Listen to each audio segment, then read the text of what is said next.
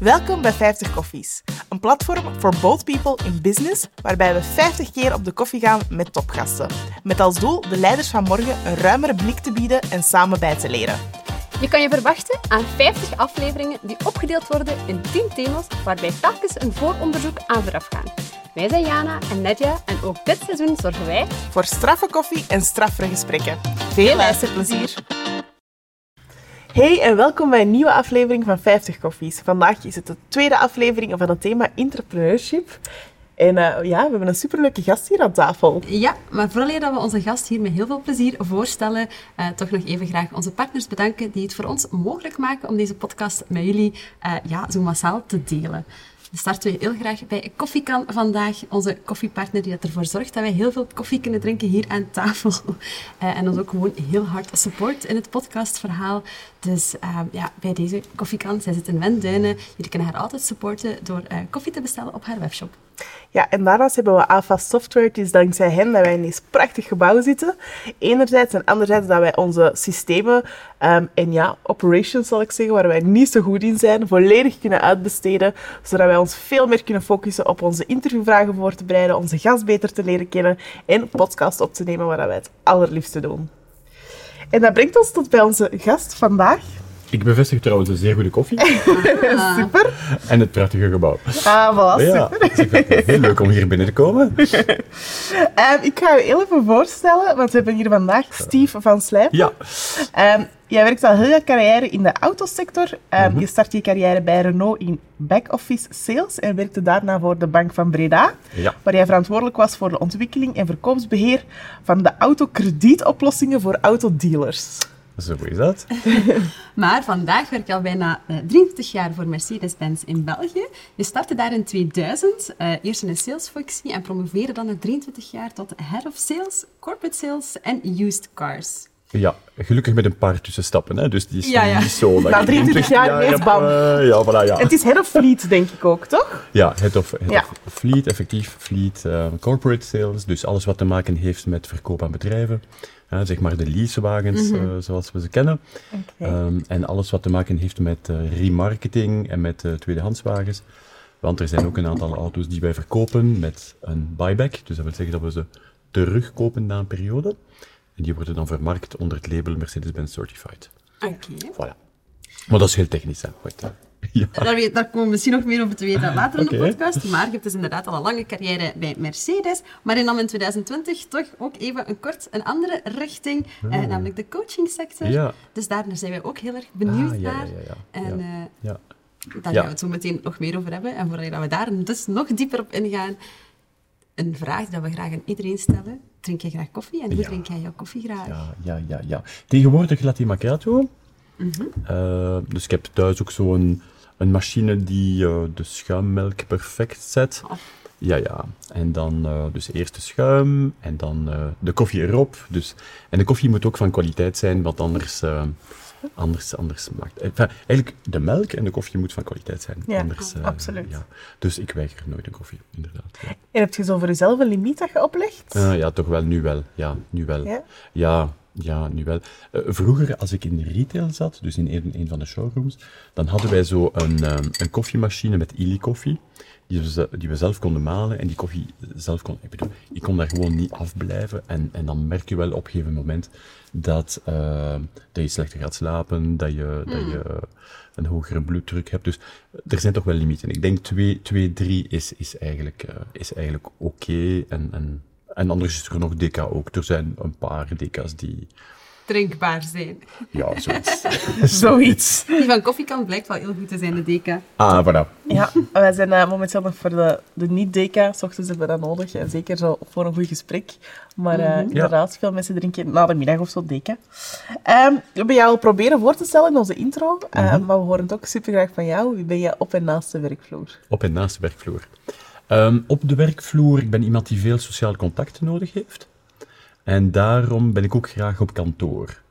Ehm, ik ben graag op kantoor en tegelijkertijd ben ik ook wel een, een fan van thuiswerk. Voor diegenen die zich daarin kunnen vinden. Dus ik heb totaal geen probleem dat mijn team van thuis werkt. en ik dan meer op kantoor ben. Dat is voor mij perfect oké. Ieder moet daar zijn evenwicht in vinden. verstaan?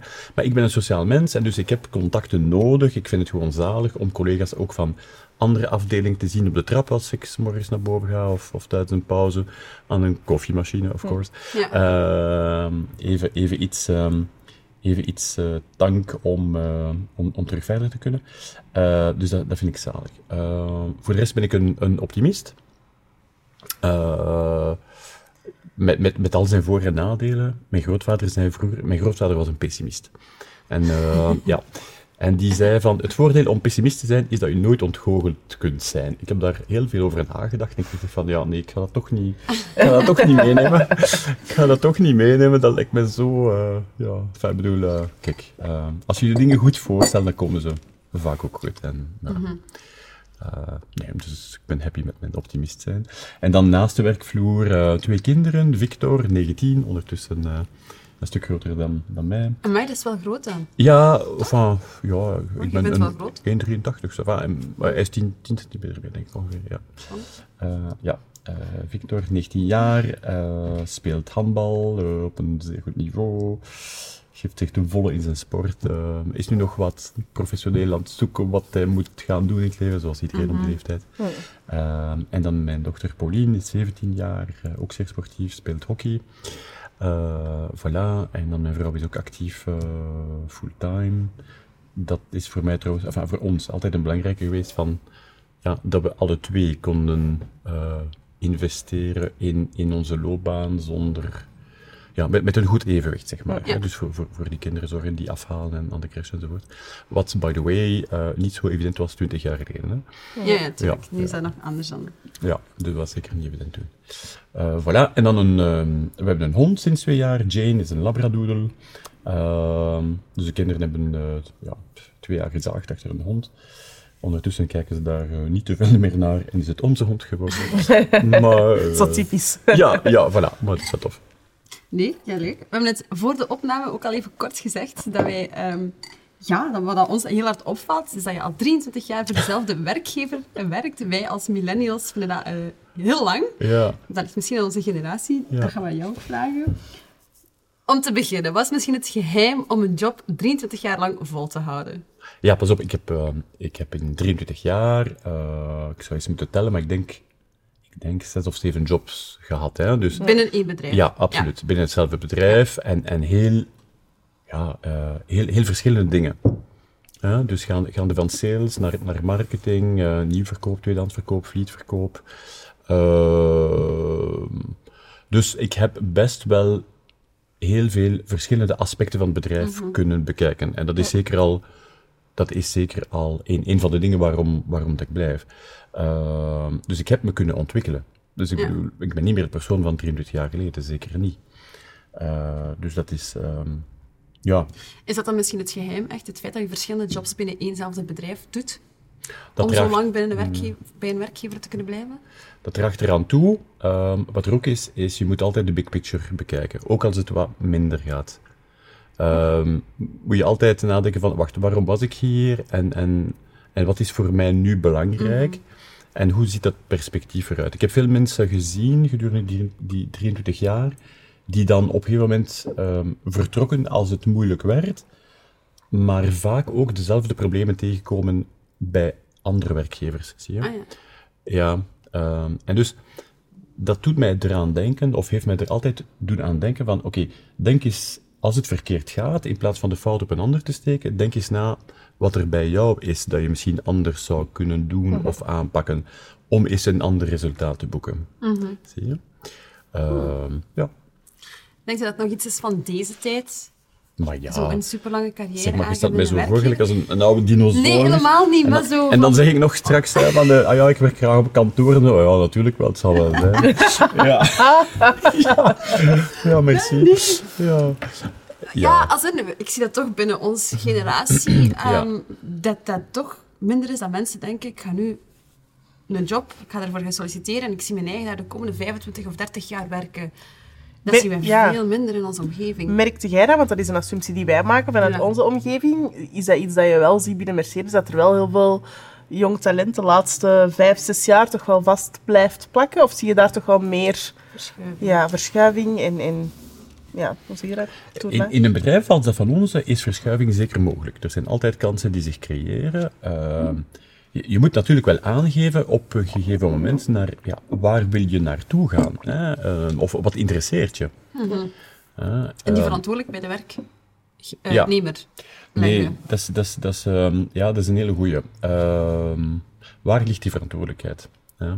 Effectief, eh, ik denk bij beiden.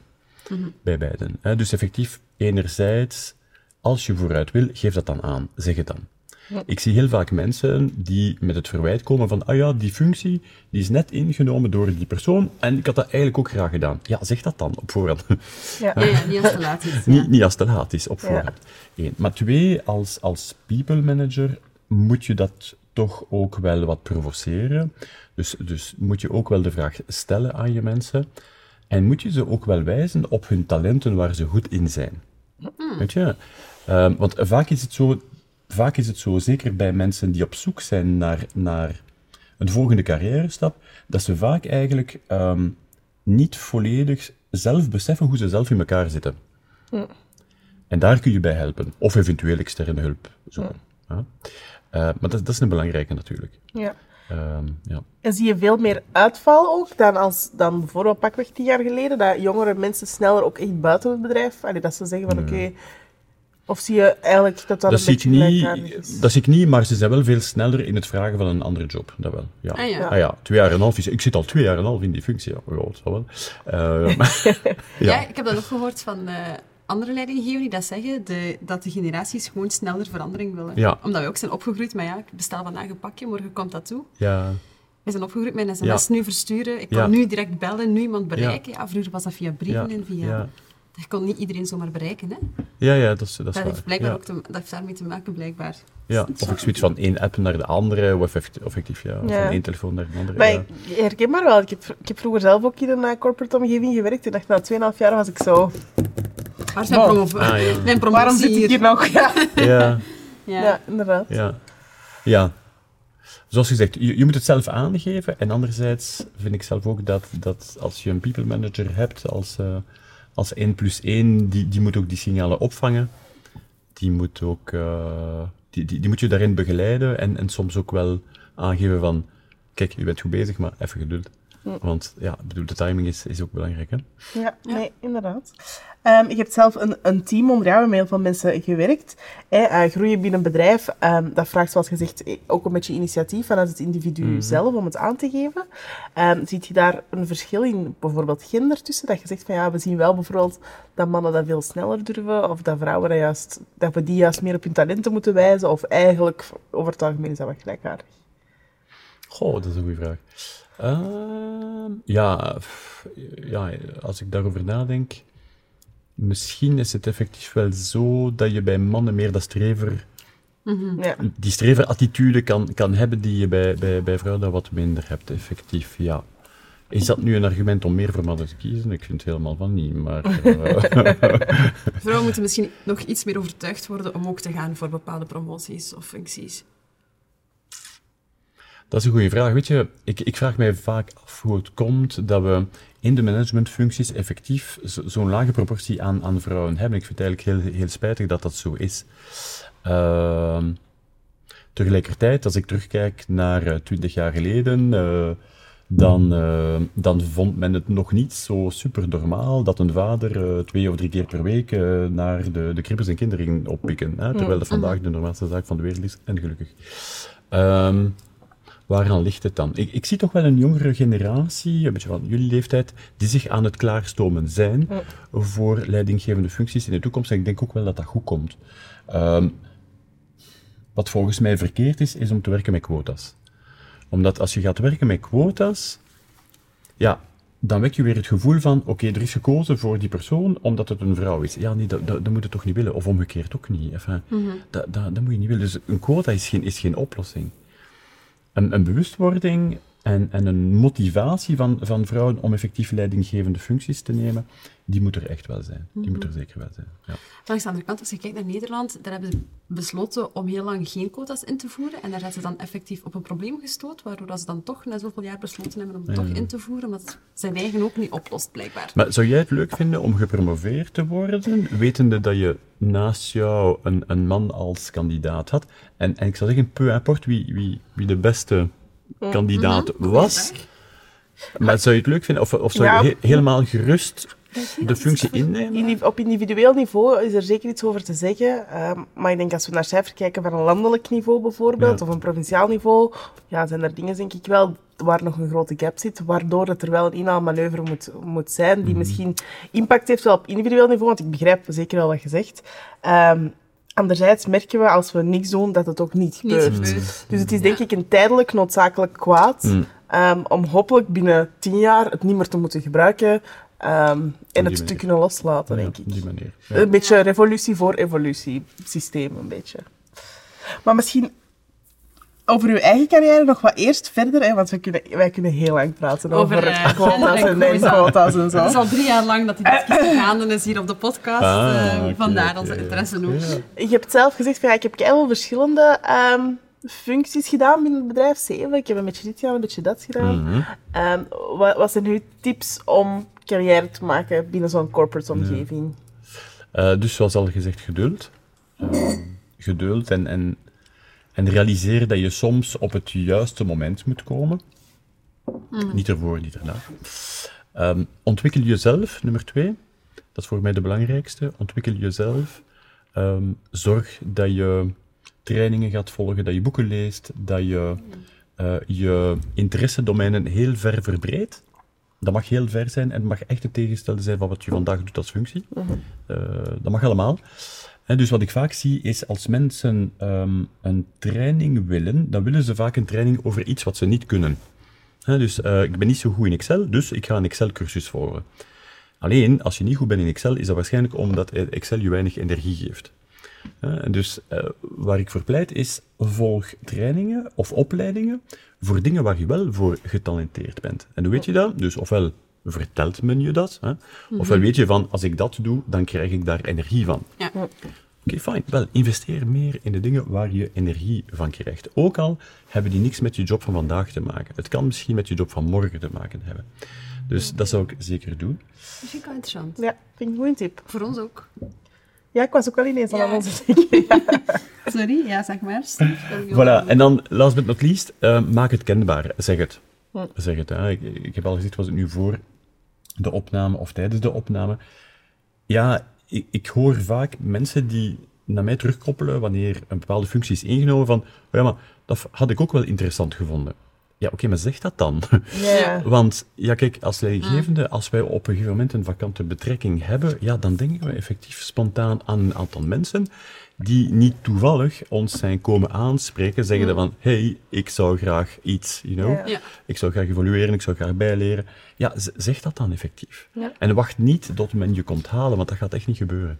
Je hebt zelf ehm, gezegd ook dat je in verschillende ehm, diensten of van verschillende ja, onderdelen bij Mercedes hebt gewerkt. Is dat dan ook vaak dat je horizontaal hebt ehm, bewogen? Of heb je altijd een klein beetje wel rekening gehouden met zo'n soort ladder eh, om op te klimmen? Of zeg je van nee, liefst zo breed mogelijke kennis vergaren? Beiden, hè, dus effectief. Hè, zo, zo, ja, ik bedoel, er is geen, al sinds bij ons is er geen horizontale stap zonder. eh, nee, sorry, geen verticale stap.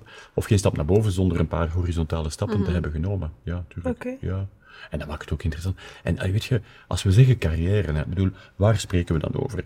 Dat je je gelukkig voelt in je werk, of dat je eh, telkens wat meer verdient en wat meer strepen krijgt op, eh, op, op je hemd? Ik bedoel, in, in, in die end, die, die strepen zijn niet belangrijk. Hè. Wat belangrijk is, is dat je dagelijks iets gaat doen waarvan dat je zegt van, hé, hey, dat vind ik tof. En dat de mensen met wie dat je werkt, dat je zegt van, ik ben blij om die terug te zien. Ja, Nee, zeker. Dat is, dat is belangrijk. absoluut. Ja, dat is waar. En niet, niet, niet van eh, die paar, eh, die, die 8% meer eh, als je met een niveau stijgt, of weet ik veel wat. Eh, pff, ja, nee, dat, is, dat, dat gaat het niet om. Hè. Ik bedoel, we spenderen veel tijd samen op de professionele werkvloer, dat hij virtueel is of, of, of echt. Maakt niet uit, maar het moet plezant zijn. Hè. Het zal wel zijn. Ja. Allee. We hebben het al heel uitgebreid gehad over je 23 jaar lange carrière bij Mercedes.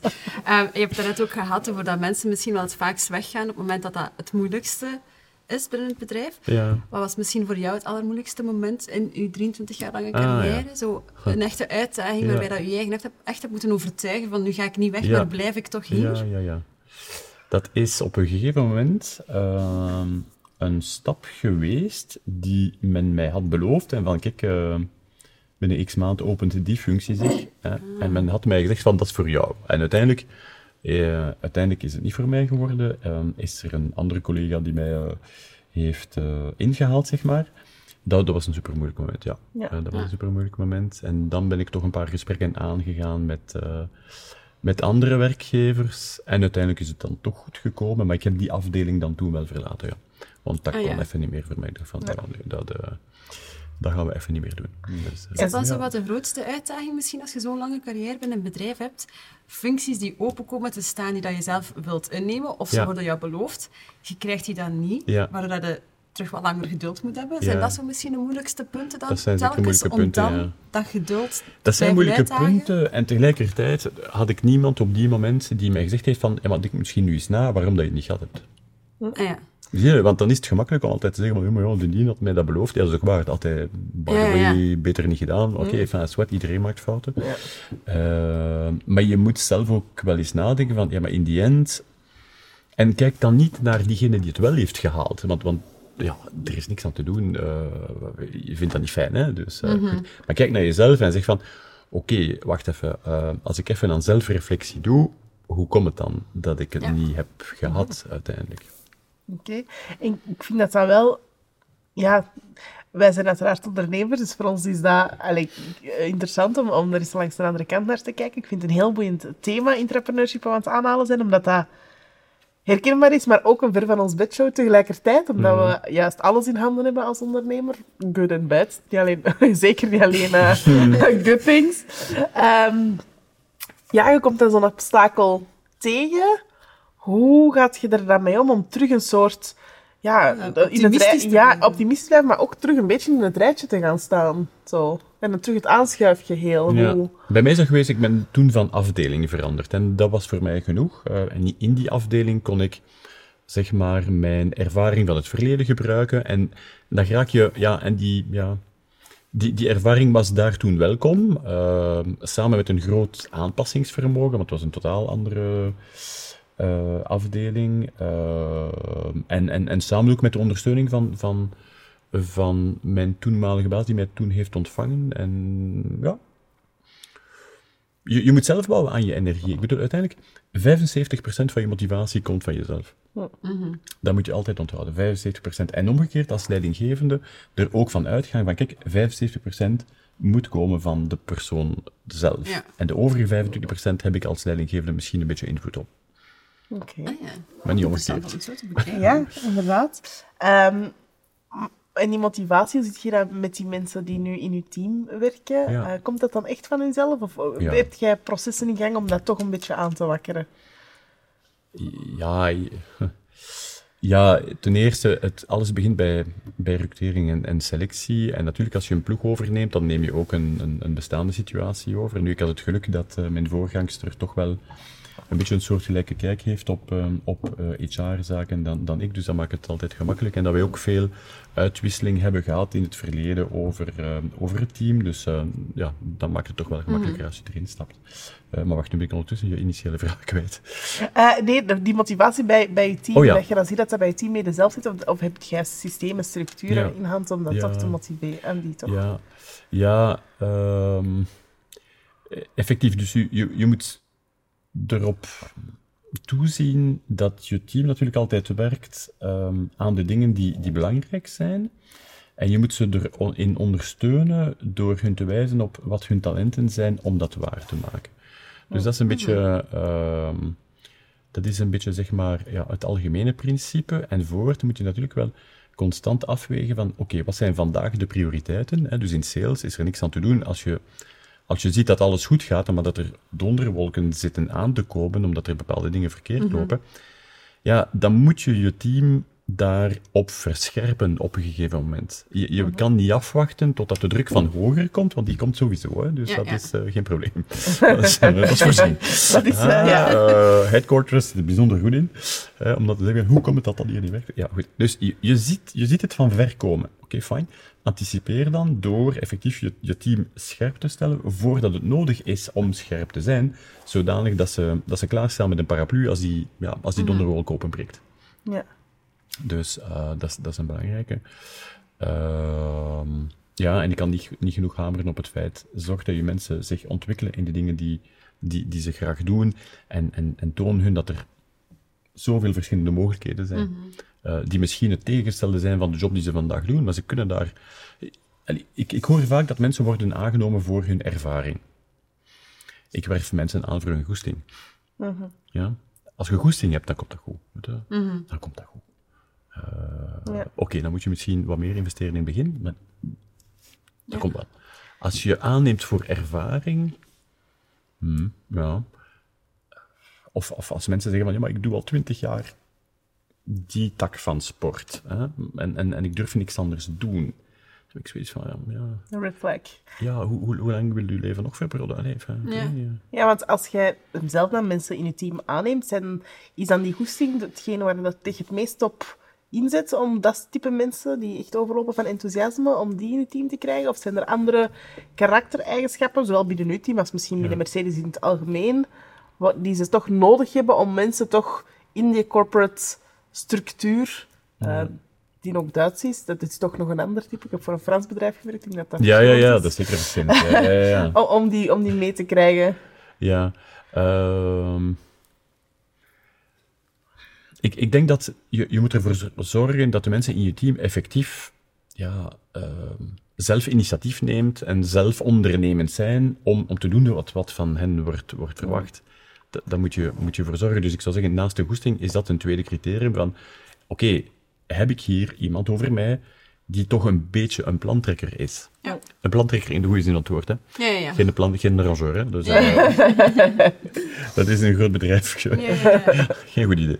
Eh, maar effectief iemand die niet bij de eerste moeilijkheid, ja, bedoel, op zijn achterste valt en dan zegt van, hé, hey, daar is een moeilijkheid en kan niet vooruit. Dus die effectief wat creatief is in van, oké, ik heb het probleem eh, zo bekeken Ja. en, en wat als ik het eens zo bekijk. En, en eventueel moet je natuurlijk wat, wat, wat helpen in, in het zien van verschillende invalshoeken. Hè? Dus dat, oké, fijn. Eh, maar dus ja, eh, goesting één en dan twee, een beetje plan trekken, een beetje eh, zelfstandigheid, eh, een beetje mensen die, die, die wat buiten de lijnen denken. Eh, daarom zeg ik niet dat ze buiten de lijnen moeten kleuren, maar toch buiten de lijnen denken. Ehm, ja. Ik vind dat heel mooi eigenlijk, wat je aanhaalt. Buiten de lijnen denken, maar niet kleuren. Mm, Is dat misschien het verschil tussen ondernemerschap en intrapreneurship voor u? Ja, dat is een goede vraag. ja. Dat is een moeilijke, ik heb daar zelf ook geen antwoord Ja, op. Maar... nee, ik heb er geen antwoord op. Ik vermoed, van wat in mij opgaat nu, is dat je soms aan oplossingen, of soms moet dromen over oplossingen, ook al- al zijn ze niet 100% realistisch, om dan toch vooruit te gaan met een aantal elementen. Dus ik weet niet of het echt een antwoord is, maar... eh, Want wat maakt volgens u het verschil tussen mensen die beslissen, zoals jij, om 23 jaar binnen een bedrijf daar te groeien, of wat het nu horizontaal of verticaal is, en mensen die zeggen, nee, ik ga nu echt iets voor mezelf doen en ik ga het ondernemerschap Oh, ik vind ontdekken. geweldig, hè. Ik vind dat geweldig, absoluut. Als, als, dus we hadden het daar pas over, van welke dingen krijg ik energie? Als je energie krijgt van eh, ondernemer te zijn, doe dat dan vooral, natuurlijk. Ja, absoluut. Maar net zoals, een- net zoals elk andere vak of elk andere functie. Is er dan ergens een grens op binnen een bedrijf als werknemer dan? Ehm, je wilt uiteraard als, als, ja, als leider dat die persoon ondernemend genoeg is, maar is Ja. dan toch ergens een afgevlakt ondernemerschap? Ja, tuurlijk. Hè. Het is, maar Zet er daar ergens dan toch een beetje een limiet op zo als Ik zeg leider? vaak aan de collega's, en voor mezelf moet ik vaak ook relativeren, van alles wat ik doe, het is mijn geld niet. Hè. Dus op een gegeven moment, als er ene boven zegt van, nee, dat gaan we niet doen, want eh, het budget dat je hebt is dat en is dat of niet, of het budget dat je hebt is dat en toch gaan we het dan niet uitgeven, dat moet je aanvaarden. Op een gegeven moment, het is mijn geld niet. En ik, ik ben betaald om zo goed mogelijk met dat geld uh, uh, te, te, gaan werken en met de limiten te gaan werken die, die, uh, die, die worden opgesteld. Dat, dat, moet je effectief wel aanvaarden. En dat is soms moeilijk, want ik kom zelf ook van een ondernemersfamilie en daar had ik soms, zeker in het begin had ik daar moeilijk mee, van, oh, maar kom, het is toch veel beter als we dat doen. Ja, could be, en je kunt misschien wel gelijk hebben, achteraf zullen we misschien wel gelijk hebben, maar op een gegeven moment heeft het geen zin om je daartegen te verzetten, want er is een algemene lijn en die algemene lijn zegt van we gaan die richting uit. Oké, maak dan het beste van die richting. Dat is het beste wat je kunt doen. Anders moet je effectief iets anders doen. Maar dat is misschien ook een interessante kijk. Hè? Als je puur kijkt dat het verschil tussen ondernemend zijn binnen een bedrijf of zelfondernemend zijn, is eigenlijk wiens geld dat je gaat gaan uitgeven. Hè? Ja. Voor een groot deel, toch? Want de risico's die dat je neemt als ondernemer zijn veel groter als, ja. hè, als je een carrière nagaat binnen een bedrijf. Door het feit dat dat geld niet van u is. Ja. Is dat misschien de grootste reden waarom dat mensen dat wel of niet kiezen? Of zou dat een van de Ja, redenen kunnen zijn? enerzijds moet je luisteren naar van de persoon van wie het geld wel is. Anderzijds um, heb je niet dat risico dat je draagt omdat het je geld ook niet Ja. is. Dat is aan de positieve kant. Ja, ja. Hè? Dus dat is inderdaad... Is misschien een tweede grote aspect.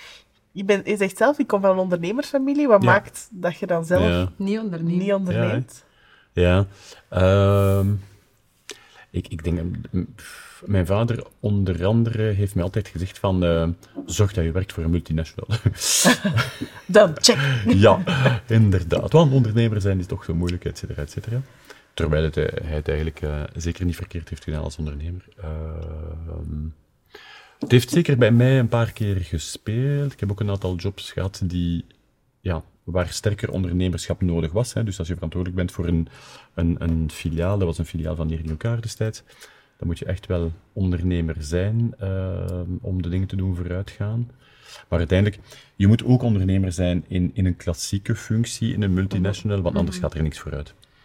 Dus je moet ervoor zorgen dat je 20, 25 procent van je tijd investeert in van, eh, oké, fijn, hoe ga ik hier, ehm, hoe ga ik hier het team ertoe aanzetten om effectief in die richting uit te gaan? Eh, hoe ga ik ze challengen? Welke ideeën ga ik ze geven? Welke tools ga ik ze geven? Ehm, hoe, hoe stuur ik dat aan? Je, je moet wel ondernemerschap hebben als, als leidinggevende, anders, anders gaat er niks vooruit. Hè? Anders, eh, anders gebeurt er niks. Nee, nee, zeker. We hebben het nu eigenlijk heel veel over um, ondernemer zijn binnen een bedrijf of zelf ondernemer worden. Maar eigenlijk, als we specifiek naar de autosector kijken, Ja. is dat eigenlijk, heb je nog een derde stukje daartussen niet? Iemand die dat echt een winkel gaat gaan uitbaten, Mhm, ja. die zit er dan toch een beetje tussen, niet? Als een, als Het is eigenlijk een franchise, hè? Ja, dat is een franchise, een dus je hebt eigenlijk wel heel veel wetten en regels Ja. van Ja, ja. Mercedes zelf uit, zeg Ja, maar. ja, ja. Maar je moet wel ondernemend genoeg zijn. Ja. Het is wel met je eigen geld dat het op de markt gaat gaan gaan. En de risico's die je daarmee neemt. ja. Dat is eigenlijk nog een derde type ondernemer. Hè? Ja. Want dat is ondernemen, maar toch met heel veel regels en wetten ondernemen. Regels en wetten, maar toch ook zeer grote voordelen. Hè? Ik bedoel, Ja, als je, ja. Dragen eh, wordt toch gedragen door de structuren Ja, die er wordt zijn. ja. Als je een uithangbord hebt van een merk zoals dat van ons, dat Ja, helpt. ja, ja. Dat helpt hè? Ik bedoel, Tuurlijk. maar je- Je moet niet ja. je eigen reclame al. Allee, Moet niet je eigen reclame doen, of, maar En er zijn toch al wat mogelijkheden effectief. En, Ja. en er is ook wel wat know-how. En, en, en, en voilà. Natuurlijk, je begint dat tegenwoordig niet meer van nul. Hè. Dat, eh, dat bestaat niet. hè. Dus, eh, Nee. De middelen die vandaag daarvoor nodig zijn, zijn, zijn zo enorm dat het... Mhm. eh, Het is een hele eh, specifieke sector, heb ik eh, gehoord. Ik ken iemand die, eh, die- die een Renault-garage heeft. mhm. Eh, en die heeft eh, gezegd, ja, het is echt wel een sector waar het ofwel ehm, kopen ofwel opgekocht worden Ah, ja. Het is een heel agressieve markt, ehm, waardoor dat, dat ondernemerschap wel heel fel toch gevraagd wordt om ja, beslissingen te nemen. Ofwel laat ik het los, ofwel ja, stel ik, ga Ja, ik ja. naar middelen zoeken om, om mijn plek hier te kunnen ja, uiteenzetten en te behouden. Ja. Het, eh, je moet ervoor zorgen dat je een kostenstructuur hebt die, die haalbaar is. De, de, de marges zijn niet meer wat ze, wat ze, wat ze geweest zijn. Eh, het zijn heel grote volumes. Je moet je goed organiseren. Eh, je, je moet effectief een sterk managementteam hebben. En dat is alleen maar mogelijk, denk ik, in, ehm, in, in grotere groepen. Ik denk dat het zeer moeilijk moet zijn vandaag in een, eh, in een kleine structuur. Hoewel, en dat is natuurlijk de tegenstelling, hoewel klanten wel graag kleine structuren hebben. Hè. Hè, we, gaan graag bij, we gaan nog altijd graag Bij de Jos of de Ja, hè, of de... Ja. bij, bij, ja, hè, toch waar, waar je wat persoonlijk contact hebt. Maar ja, de realiteit van de, realiteit van de zaak is de investering die je moet doen om te beantwoorden aan de criteria van het merk. Eh, de investering die je moet doen in, in stok, van, van wagens, van wisselstukken, van eh, weet ik wat allemaal. Ehm, ja. ja, de- die, die kun je maar realiseren op het moment dat je echt wel een, een bepaald volume hebt. En, ehm, en, en, en daarvoor moet je samenkomen met anderen of opgeslopt worden of opslorpen. Maar eh, ja. Want ja, het, het voordeel van zo'n 23 jaar in een functie te zitten, of voor een bedrijf, niet in een functie, voor een bedrijf te werken liever, je hebt ook de sector zien evolueren, toch? ja. Of Ja. valt dat wel wat mee? Ja, wel, dat, ja. dat is een goeie. Eh, soms verbaas ik mij heel eerlijk dat onze sector toch nog Vrij werkt, klassiek is, vrij ja. klassiek is. Hè? Mhm. Maar is dat er niet aan te komen dat dat gaat veranderen? Ja. Als ik naar mensen luister die ook binnen de autosector zitten, die zeggen dat, eigenlijk, dat er nog veel meer gaat gedigitaliseerd worden en auto's ook naar webshops gaan beginnen gaan. Maar Ja. dat dat toch een heel ander type wereld Dat is ook een heel interessante, want hè, soms, eh, weet je, als we, als we zo in van die veranderingsworkshops zitten, hè, dan wordt altijd de vergelijking gemaakt met eh, Nokia destijds, was Ja, ja, smart ja. leider en nu is dat Apple. En, hè. Iedereen kent dat beeldje, hè, weet je. En, en Kodak met hun fotoapparaten en digitaal. En. Ja, ehm, dat klopt. Nu, wat ik wel zie in onze, in onze automotive wereld, is dat er vooral in Nederland heel wat initiatieven zijn geweest naar online verkoop toe. Een aantal zijn daarmee gestopt. Een aantal zijn daarmee gestopt. Waarschijnlijk hadden ze een aantal elementen niet die essentieel zijn in het, eh, in het verkoopproces. Ehm, wat niet wil zeggen dat, eh, dat we gewoon gaan blijven verkopen op dezelfde klassieke manier. Dus ik geloof echt wel dat daar een zware eh, evolutie zit aan te komen. Eh, maar het is toch complexer dan een autootje, eh, een paar mooie foto's van een auto maken, daar een prijs op plakken en dan zorgen dat die overal zichtbaar is op Facebook. Het is toch Ja, wel ja. complexer dan dat. Ja, Ja. zeker. En ook de als- klantenservice gaat daar heel, al blijft belangrijk, even belangrijk. Het is een groot bedrag. Allee, ik zou niet snel mijn creditcard swipen. Ja. Maar, eh, allee, Nee. Ja, Een paar, het bedrag, hoe minder dat je neemt om het Ja. online uit te 100.000 geven. euro hier Voilà. zeg. Ja, dat doet... Allee, Nee, klopt. daar heb je zo wel iemand voor nodig waar je ook op, die, op kunt terugvallen, hè, je gezicht. Dat je, ja. Ja. Die heeft mij dat verkocht. Ja, maar kijk uiteindelijk aan de bank. Hè. Ik denk dat, daar, dat dat ook een beetje hetzelfde was. Dat mensen niet, veel, niet dachten dat ze zoveel online gingen gaan doen. Hè. Ook die grote bedragen Ja, betalen. dat vroeger toch ja, ook met iemand gebeurde. Ja. Ik denk dat dat nog sneller gaat veranderen Ja. dan denken. ja, je kunt tegenwoordig effectief eh, online je hypotheek helemaal afsluiten en, eh, Ja. en nooit iemand gezien hebben. Ja, dat is waar. Ja, dat is dat is waar. Ja. Dat is waar. Maar geld is natuurlijk nog altijd... Ja, eh, geld is maar geld, om het zo te zeggen. Hè. Dus een, een, een auto, daar is toch gelukkig nog een hele beleving bij. Ja. En, en effectief, eh, je wil er niet alleen voor staan eens dat je de sleutels in handen hebt. Hè. Ja, Dus, eh, ja. Helemaal waar. Ik denk dat we, dat we eventjes terug gaan keren naar de werkvloer. Oké. Ehm, en daar eens gaan kijken naar eh, die carrièrejagers op de werkvloer. Hè. Je hebt zelf een team dat je leidt ehm, binnen het bedrijf.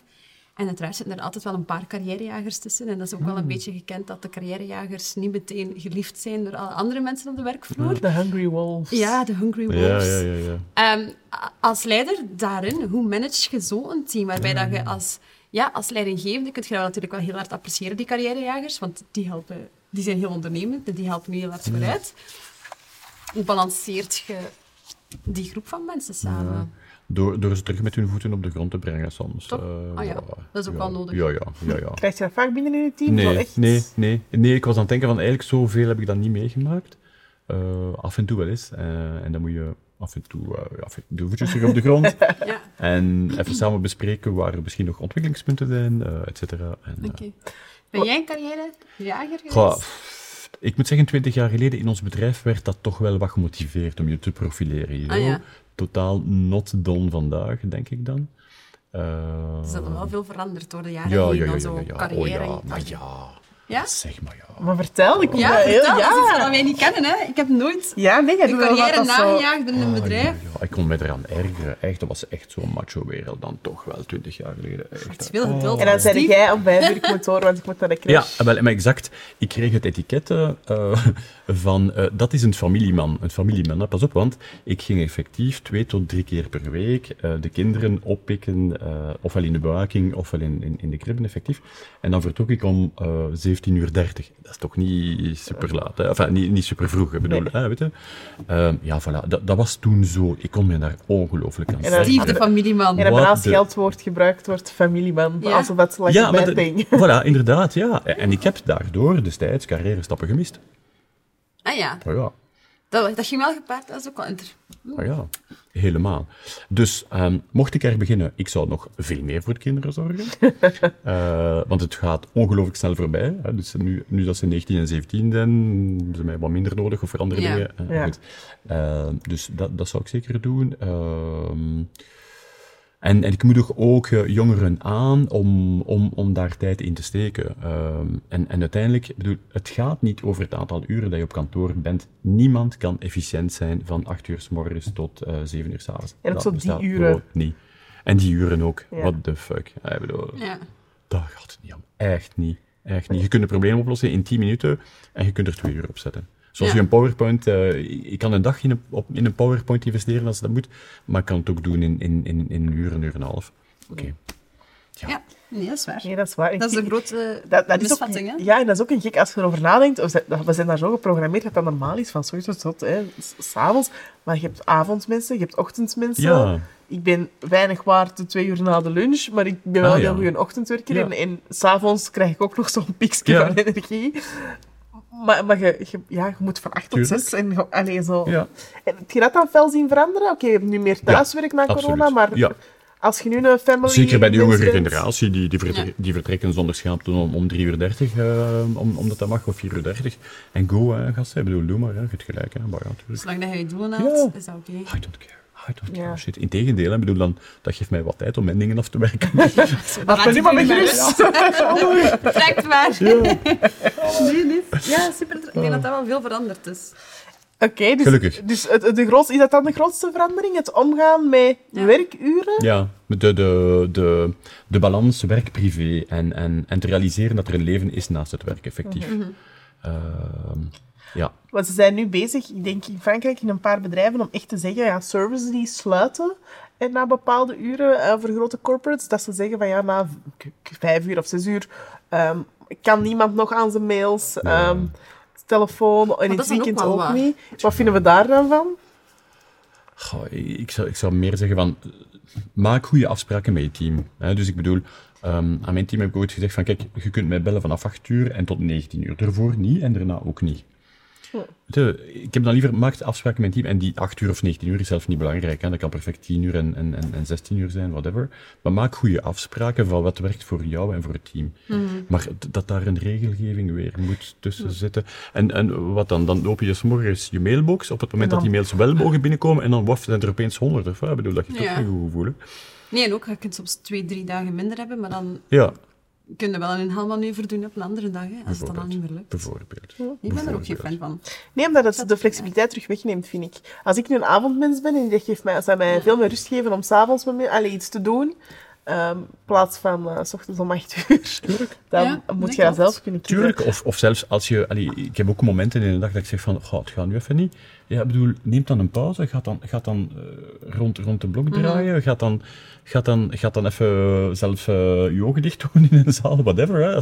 Wat jouw energie geeft, hè, dat maakt niet uit. En eigenlijk zou je zelf je auto nemen en, en daar eens een koffie gaan drinken. eh, en, en, en daar misschien bij wat afstand van zaken de dingen naar bekijken. Whatever, als Mhm. het maar werkt voor jou. Dat is waar. Anderzijds moet je natuurlijk een bedrijfscultuur hebben die dat supporteert. Ja. Als je natuurlijk Ja. een heel bedrijfscultuur hebt die Ja. dat niet supporteert, begrijp ik de insteek van we sluiten het service. Ja. Waar, maar het begint altijd met wat denk ik er zelf over. Want vaak kijken de mensen naar mensen, ja, ik ga dat niet doen, want die gaat dat zeggen over mij. Ja, wacht. Is dat wat jij zelf denkt, wat jij zelf zou denken, of wat de ander denkt? Eh, Dus, ik bedoel, Ja. eh, ja, onze overtuigingen sturen ons gedrag, hè, weet je? Dus, eh, Ja, zeker. ja. Nu, ehm, uit een onderzoek van de Manpower Group blijkt dat ook ehm, de millennials, hè, de, de sommige hongerige wolven of de meer gebalanceerde mensen, ehm, dat die ehm, levenslang leren belangrijker vinden dan jobzekerheid. ze hebben gelijk. Ehm, ervaar je dat ook zo in je team? Dat, dat is voor mij persoonlijk altijd een zeer sterke drijfveer geweest. Ja, zien dat je zoveel mogelijk leert, probeer dagelijks te leren. Ehm, en, en wacht niet op die training die dan wordt gegeven binnen twee maanden en een half, eh, die eventueel georganiseerd is door HR of door ik weet niet wie. Ehm, dus zorg ervoor dat je constant jezelf ontwikkelt. Ja, dat vind ik trouwens ook het, het, het hele leukste van mijn, van mijn loopbaan. Dat is levenslang leren, absoluut. En zoals daar pas gezegd, ehm, zorg ervoor dat je ontwikkelt in domeinen die je energie geven. En dat kan totaal iets anders zijn dan waar je nu dagelijks mee bezig bent. Ja. Eh, en er zijn zoveel mogelijkheden, echt waar. Ik bedoel, eh, luisteren naar een podcast hè, eh, is, is leren. LinkedIn Learning kun je perfect in de file doen. Ehm, eh, ik, ik heb altijd twee, drie businessboeken die ik samen lees. Soms lees ik ze zelf niet volledig uit, maar gewoon de hoofdstukken die mij interesseren. Ik neem daar notatjes van. Eh, ik heb zo een paar van, van die notaboekjes die in mijn auto liggen. Ook weer in de file herlees ik dan van, eh, wat was er toen gezegd in dat boek? Ah ja, tja, dat is interessant. Ah ja, ah ja.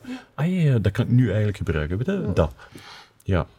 Ja, ja, Maar dat gaat ook naar de toekomst toe echt nodig zijn. Wat denk je dat we binnen dit en 20, 30 jaar, dat iemand die een carrière start binnen een bepaalde functie, die 20 jaar lang gaat kunnen uitvoeren, hoe dat de toekomst er nu uitziet en de snel veranderde Mhm. omgeving ook continu, gaat het gewoon broodnodig zijn dat iedereen Zeker. zich continu ontwikkelt. Hè? Dat, gaat geen optie niet meer zijn Nee. dat de een dat dat studeert, afstudeert binnen één job, dat je die carrière uitvoert en daarna op pensioen gaat. Dat gaat geen optie niet meer zijn. Mhm. Nee, Hè? zeker.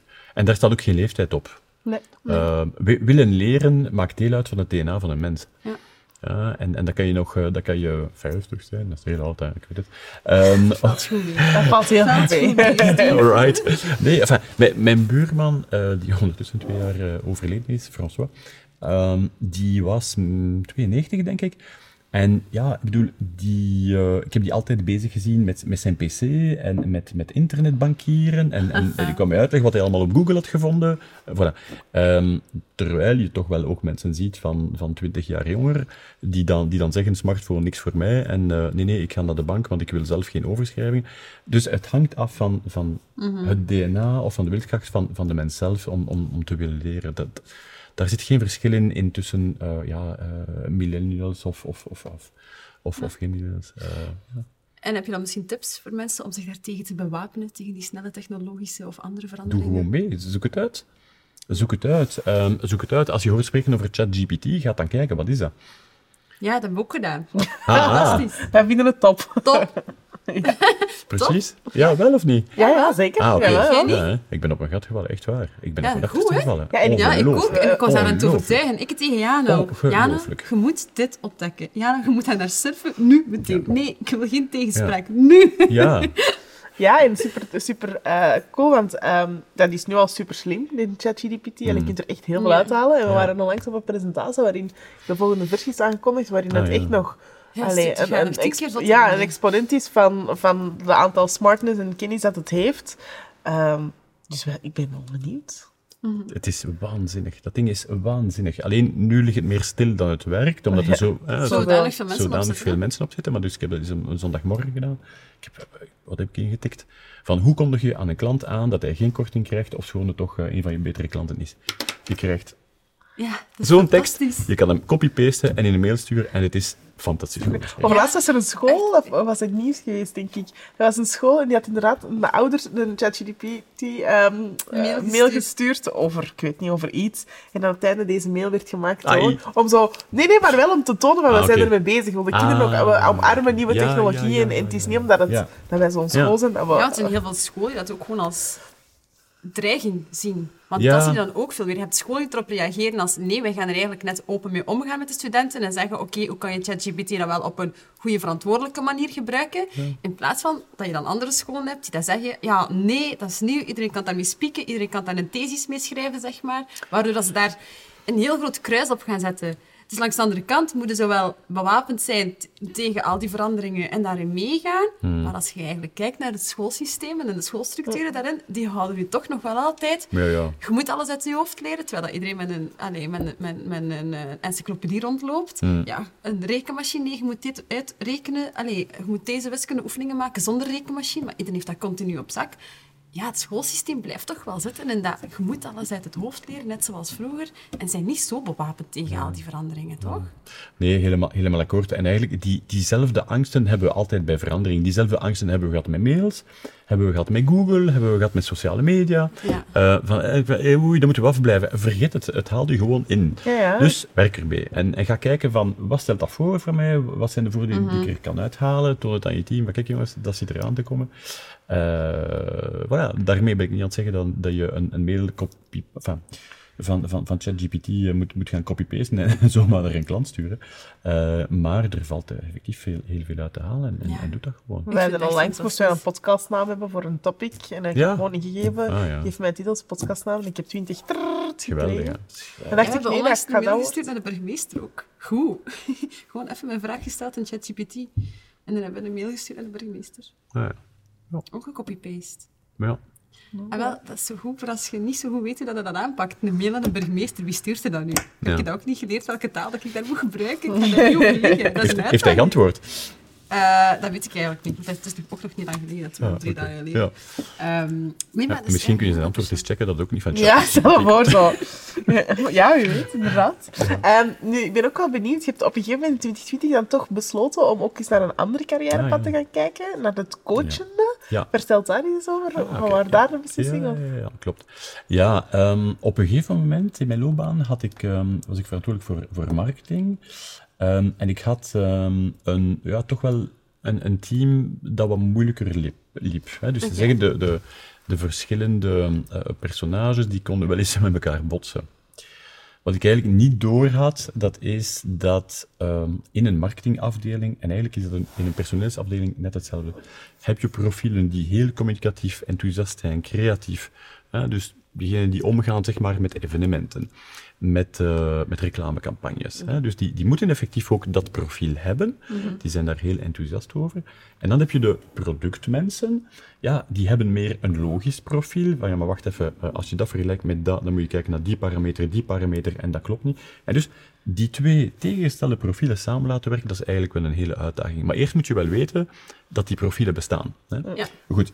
Ehm, en het komt erop neer dat ik in die periode ook wat ambitie had om in training te gaan. Dus had ik, eh, had ik wel graag gedaan op die, op die moment. En iemand had mij gezegd van ja, ehm, volg eens een, ehm, een cursus coaching, want dan kan je de twee combineren. Ik had ook zoiets van, ja, wat is dat? Ik had er dan over gesproken bij mijn toenmalige baas en die zei van ja, kijk, in het kader van dat team dat wat moeilijk is, in het kader van je ontwikkeling, doe dat maar. Goed, eh, dan ben ik effectief een, een training gaan volgen.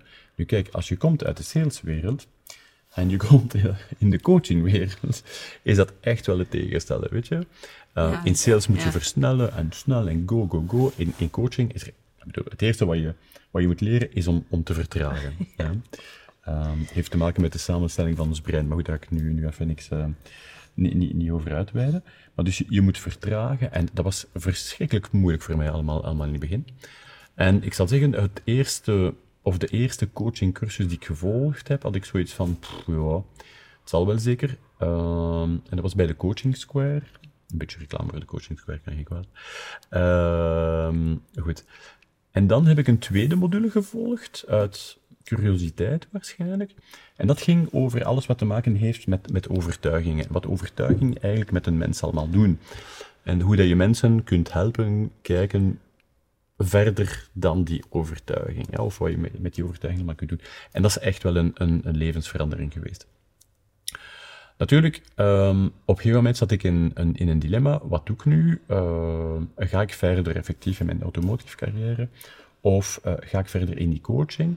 Ik heb dan zo'n klassiek, um, ja, uh, hoe zou ik zeggen, een, een klassiek zijweg genomen van, van, het, van het bijberoep. Uh, which, is, which is fine. Uh, ik heb daar uh, loopbaancoaching gedaan. Ik heb ook mensen begeleid die, die teamleid, teamleiders mm. zijn en die dezelfde problemen hadden als ik tien jaar geleden. En helpen, helpen inzien dat mensen anders in elkaar zitten en op welke manier dat je mm. daarmee kan omgaan. Dus dat heb ik allemaal gedaan. Ehm, maar goed, ik wist wel op een gegeven moment moet ik een keuze maken, weet je. Ehm, en, en dan, ja, vier maanden geleden heeft men me aangesproken over, over de job die ik, uh, die ik vandaag doe. En dan heb ik zoiets van, eigenlijk wil ik dat al twintig jaar doen. Ik ga ervoor gaan en kiezen is verliezen, dan doen we dat maar. En, en we zien Dus je wel... hebt wel heel lang geduld gehad, Steve. 20 jaar. Ja, ja, ja. Voor ja. de job te doen die dat, Ja, eh, ja. die dat Ja, initieel als... ja oké, oké, oké. Maar het is niet zo dat ik ondertussen geen jobs heb gedaan die ik niet graag deed. Ja, hè. ja. Nee, maar, nee, nee, maar, maar dit zat effectief altijd in mijn, in mijn vizier, want ja, dat wil ik, eh, Ja. Wil ik ooit, wel eens, eh, ooit wel eens doen. En daarom, eh, daar pas vroeg je mij van, Ja, wat, ja. zijn de tips? Ja, geduld. Ja, ja. geduld. En op een gegeven moment, ja, weet je, het is een kwestie van timing, van er te zijn op het juiste moment. eh, van jezelf ontwikkeld te hebben. Want weet je, twintig jaar geleden was ik daar zeker veel minder goed in geweest. Niet dat ik er vandaag goed in ben, maar eh, er, eh, ook vandaag leer ik heel veel bij en word ik geconfronteerd met dingen dat ik zie van oei, ja, daar komen mijn valkuilen weer naar boven als het, wat, als, als het stressmomenten wat, eh, enfin, als, het, als het stress wat stijgt. Mag ik vragen wat die Ja. valkuilen zijn? Eh, voor mij delegatie. Voor mij delegatie, absoluut. Dus ik heb daar jaren geen, geen last meer van gehad. En nu zie ik toch wel soms, of betrap ik mezelf erop van, allee, waarom dat nu, nu niet losgelaten gewoon? Hè? Ja. Dus, eh, Zo, iets ja. meer dat micromanagen eigenlijk, op het moment dat dan stressvol wordt. dingen naar mij toetrekken waar dat mijn team mij aangeeft van, eh, zeg maar, eh, wij kunnen dat ook zijn. Eh, ja, dat is eigenlijk waar. Dus doe maar. Ja. Maar dat is niet evident. Nee, Nee, Ja. nee, we vinden dat een grote uitdaging binnen onze business ook. Ah, we ja. werken van onszelf dat we heel bewust, heel veel met zelfreflectie, eh, beseffen we wel dat we nogal geneigd zijn om heel snel te micromanagen. Ah, in ja. stresssituaties. In stresssituaties. En deadline-situaties. Daarbuiten, ça va, maar inderdaad, vanaf het stressvol wordt, Ja. betrappen we onszelf daar ook op.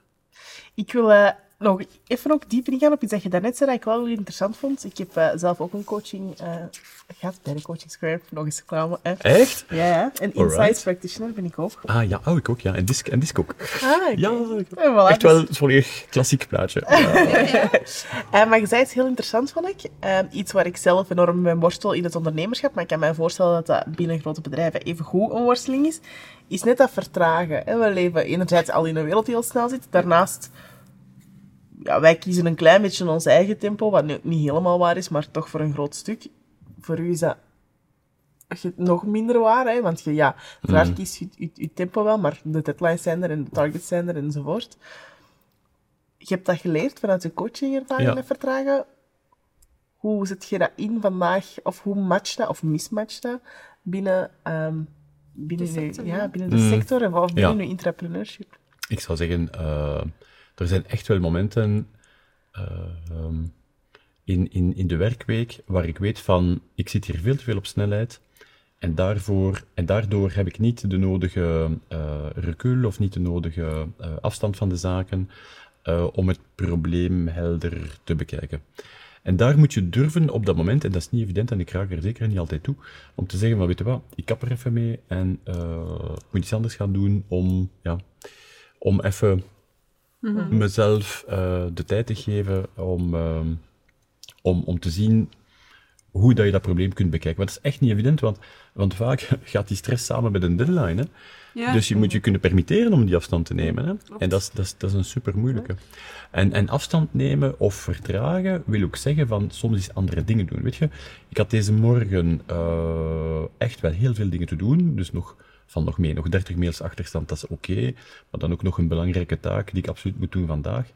Ja, fijn. Dus ik had deze morgen twee dingen kunnen doen. En dat is zeggen van, eh, ik moet daar absoluut aan beginnen. Of ik neem afstand door deel te nemen aan deze podcast. Dus zeggen totaal iets anders. Ja. Zodanig dat ik straks waarschijnlijk met Ja. ja, ehm, een frissere kijk op de zaken, een probleem ga tackelen dat ik waarschijnlijk eigenlijk, eigenlijk veel efficiënter en veel, veel beter ga tackelen dan, dan er meteen op te springen deze morgen om, om kwart voor acht. Helemaal waar. Ik vind, en toch vind ik dat heel moeilijk. Ja, het Ik is weet dat wel, en ik vind dat super moeilijk. Ja, en het is ook iets wat je zegt. Hè. Je, je hebt, ik omschrijf het nu een beetje als luxe, maar je hebt die, ja, die tijd nodig. Hè. Ja. Tijd is de grootste luxe die er Dat is. is, Dat is niet betaalbaar. Ook Dat die tijd passeert, niemand Ja. kan hem tegenhouden. En het is aan nu om te beslissen hoe dat je met die tijd omgaat. Ja. Ik vind dat, iets van de, dat is een van de meest waardevolle zaken dat je kunt hebben op een dag of op een jaar of op een maand. En het kan heel traag gaan of het kan heel snel gaan. En die tijd zelf invullen of zelf bepalen wat je daarmee doet. Ik vind dat een van de grootste uitdagingen ook in onze onderneming. Beslissen wanneer je welk project lanceert en hoe dat je er naartoe werkt. En tijd is onze grootste vijand, hè? continu. Ja. Continu. En dat leren Continu. Ook als je gepensioneerd bent, kan ik mij inbeelden. Want dan... ik, enfin, ik heb collega's die mij nu al aanspreken van hun pensioen. heb ik zoiets van... Oh man, echt. Ehm, ja, precies dat het leven begint. Van een vroeg pensioen. Ja, ja, dat is waar. Zo Ik verschrikkelijk. denk dat nog wel... Dat is triestig, hè? Verschrikkelijk. Ja, verschrikkelijk, verschrikkelijk, verschrikkelijk. Ehm enfin, dat is wat. Maar dus, dan ook is tijd je vijand, denk ik. Want dan heb je tijd. Dan heb je geen vrije tijd, dan heb je tijd. Ja. Ja.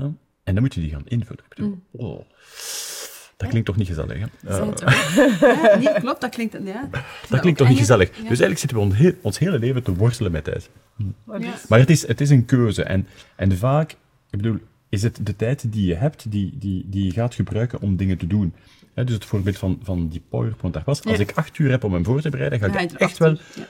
Acht uur aan het spenderen. En zal misschien nog niet af zijn, want dat laatste effect of die laatste foto is misschien toch niet zo geweldig. En als je twee uur hebt, dan is het in twee uur ook gedaan. Hè. Dat is waar. Ja, dat is, dezelfde, allee, dat is hetzelfde met beslissen om wel of niet op congé te gaan of om op reis te gaan. Dus kiezen. Je denkt altijd, ik heb er geen Het tijd kiezen. voor, het is niet het moment, maar het is nooit het moment. Het is nooit het moment om iets te doen. is nooit het moment. Het is nooit het moment. Nee. Dat is waar. Maar als je te veel met je hoofd in je stuur zit, dan, eh, dan, dan, dan moet je een paar alarmsignalen hebben die je zeggen van stop daar nu eens mee. Mhm. en, Dat is waar. Ehm, hoeveel tijd is er binnen Mercedes om te vertragen? weinig. Eh, ja, ik kan me dat voorstellen. ja, weinig. Dus, eh, turbo efficiency. Weinig, weinig, weinig. En nog eens, ik bedoel, allee, het, het ligt aan jezelf. Je moet, je, moet, je moet zelf beslissingen nemen en zeggen op een gegeven moment van kijk, Dat is de lijn. Dat is de lijn. dat is de lijn en vandaag is het vier uur en het gaat niet meer. Bye bye. En is dat dan eigenlijk omgekeerd, als je voelt dat de mensen die daar in je team werken een soort van grens aangeven? Want jij kunt je grenzen hebben en die liggen misschien veel verder dan Ah, de grens van team Dat moet je respecteren. Hè. Dat moet je respecteren. Hoe Ik ga ik, ga nooit, ik, ga, ik ga nooit een teamlid bellen om, om acht uur als ik weet dat het geen ochtendmens is. Dat ga ik niet doen. Ja, kom. maar, langs de andere kant, heel eerlijk, eh, eigenlijk als nu een half uur in de auto had ik zoiets van, ga ja, ik moet vandaag die en die en die bellen. Ga ja, maar ja, ik ga ze nu nog niet bellen, want... eh, Het is nog vroeg. het is, het is nog vroeg, dus het helpt jezelf niet altijd. Maar ja, uiteindelijk is, is, is, ehm, is de uiteindelijke betrachting dat ze zich toch wel goed voelen in, in, in wat ze doen en dat je niet constant eh, op hun... Ja. Is die relativering die ik heel hard voel bij u, is dat ehm, iets dat je leert over de jaren of heeft dat er altijd in gezeten? compleet. Nee. nee. Okay, there's hope. There's there's hope. Nee, nee. Dat, dat is het grote voordeel van leeftijd. Echt waar. Ja. Ja, there, done that, weet je. Ja. En dan nog, hè. Ik zeg dat nu wel relax, maar dat is niet altijd zo. Ja. Dat is heel... eh, dat herinnert mij altijd aan iets dat mijn vorige baas, toen ik dus eh, zelf in de corporate zat, heeft gezegd. Ik werkte voor L'Oréal en ik kwam daar zo echt in opgaan. En Hmm. dagen werken en nachten en weekends en vakanties. En ik kon dat echt zo... Wou echt zo keihard opvallen. Of ja, in de corporate om op te vallen is ook al moeilijk, want er zijn er heel veel die ook gerecruiteerd zijn om... Ja, of jij bent gerecruiteerd om te zijn zoals, en ze zijn een beetje ja. gerecruiteerd. hè. Het is allemaal een beetje hetzelfde. Ik was zo echt af aan het geven. Dat had mijn baas ooit gezegd. Ik vind dat iets dat, ondanks ik daar niet meer werk, heel vaak nog zeg tegen mezelf. Op het eind van de dag, ja, maar verkopen wij zeep met water. Mm. En jij bent je nu zo druk aan het maken.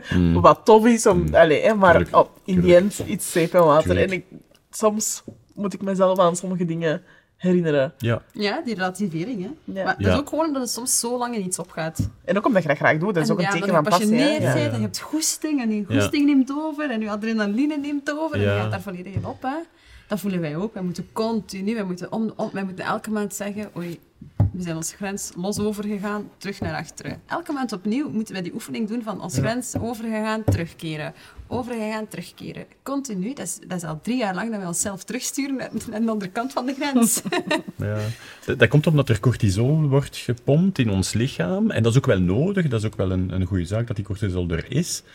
Ehm, maar je moet wel zorgen natuurlijk dat er afbouwmomenten zijn van die cortisol. Want anders zit je effectief altijd op je paard. En, eh, dat zorgt ook niet voor de beste resultaten. Hè? en dat paard, moet, ik, dat paard moet eten hè? en drinken en, en rusten en, Ja. ja, en in de wei staan. Nee, zeker. Absoluut. Steve, we zitten ondertussen aan het einde van deze podcastaflevering. Het is Het is voorbij gevlogen. Ja. cool. Toch, eh, nog ehm, twee toffe laatste vragen. Maar heb je misschien nog tips om mee te geven aan onze luisteraars die daar los eh, aan het jagen zijn op hun carrière en eh, die functie aan het oefenen zijn? Doe vooral wat je graag doet. Doe vooral wat je graag doet. Dat is wel de rode lijn hè, van Ja. de podcast. Zo, waar je de energie van krijgt, blijven doen. Maar ja. Maar ja. Mhm. En doe het voor jezelf. Voilà. Doe het voor jezelf. Oké. Doe jezelf een plezier. Alright. Wat mogen we van uw carrière nog verwachten in de Ja. toekomst? Ja, ehm, ik, ik denk dat, dat er is een, een leeftijd waar je je moet terugtrekken. En ik weet niet de welke dat dat juist gaat zijn. Zeker omdat er nu een vergrijzing aan de gang is, dat er heel veel mensen effectief op pensioen gaan. Dus dat gaat ons nog even nodig hebben, dat is goed. Uh, maar ik denk op een gegeven moment moet je als leidinggevende ook kunnen zeggen van, weet je, uh, ik zet nu een stap opzij en ik ga nu andere mensen helpen in hun ontwikkeling. Dat zijn al die dingen die ik tegengekomen ben, uh, niet, niet te fel tegengekomen, of, of dat ik ze tenminste ga zeggen, maar kijk, er ik denk dat dat een gevaar zou kunnen zijn. Ja. Ja. Dus, dus ik zou graag effectief op termijn uh, mensen begeleiden in, in hun groei. En dan meer bepaald in het uh, middelmanagement. Omdat je daar, uh, enfin, omdat, ik daar, omdat ik daar zelf natuurlijk wat in, in gewerkt heb en nu nog altijd in werk. Um, en dat je daar als het ware gesandwiched zit tussen je, je medewerkers die bepaalde verwachtingen hebben en die, die bepaalde dingen willen. En, en het, het topmanagement of, of HQ die, uh, die, die zit te drukken. Ja. En dus dat is eigenlijk wel een, eigenlijk wel een vrij moeilijke positie. hè? Dus je zit constant gesandwiched eigenlijk. Dus je moet soms boven wat uh, terugdrukken en, en soms moet je naar beneden drukken ook en zeggen van, hé hey, jongens, uh, you have to be awake. Hè? Ja. voilà. En je moet dat evenwicht houden en dat is echt, echt niet evident. En ik zie ook vaak dat, dat coaches zich richten op, uh, ja, weet je, dan, dan lees je op die LinkedIn-profielen, ja, ik, ik ondersteun executive management. Dan denk je zoiets van, ja, doe maar. Um, en ja, weet je, daar is genoeg uh, volk aan het werk, zeg maar. Uh, maar, maar ik denk het, het middelmanagement ondersteunen in, in die soms toch wel onderschatte rol, daar uh, wil ik later iets mee doen. Okay. Super interessant, dat gaan we zeker nog van jou horen, Steve. cool. Hartelijk bedankt om hier bij ons op de podcast aanwezig te zijn. Het was een Dank heel jullie. aangenaam, gerelativeerd gesprek. Ik werd er ook heel rustig van, Ja? van heel het gesprek. Inderdaad. Ah, merci. en continu geduwd naar zelfreflectie. Dus Ja? ik vond het een aangenaam gesprek.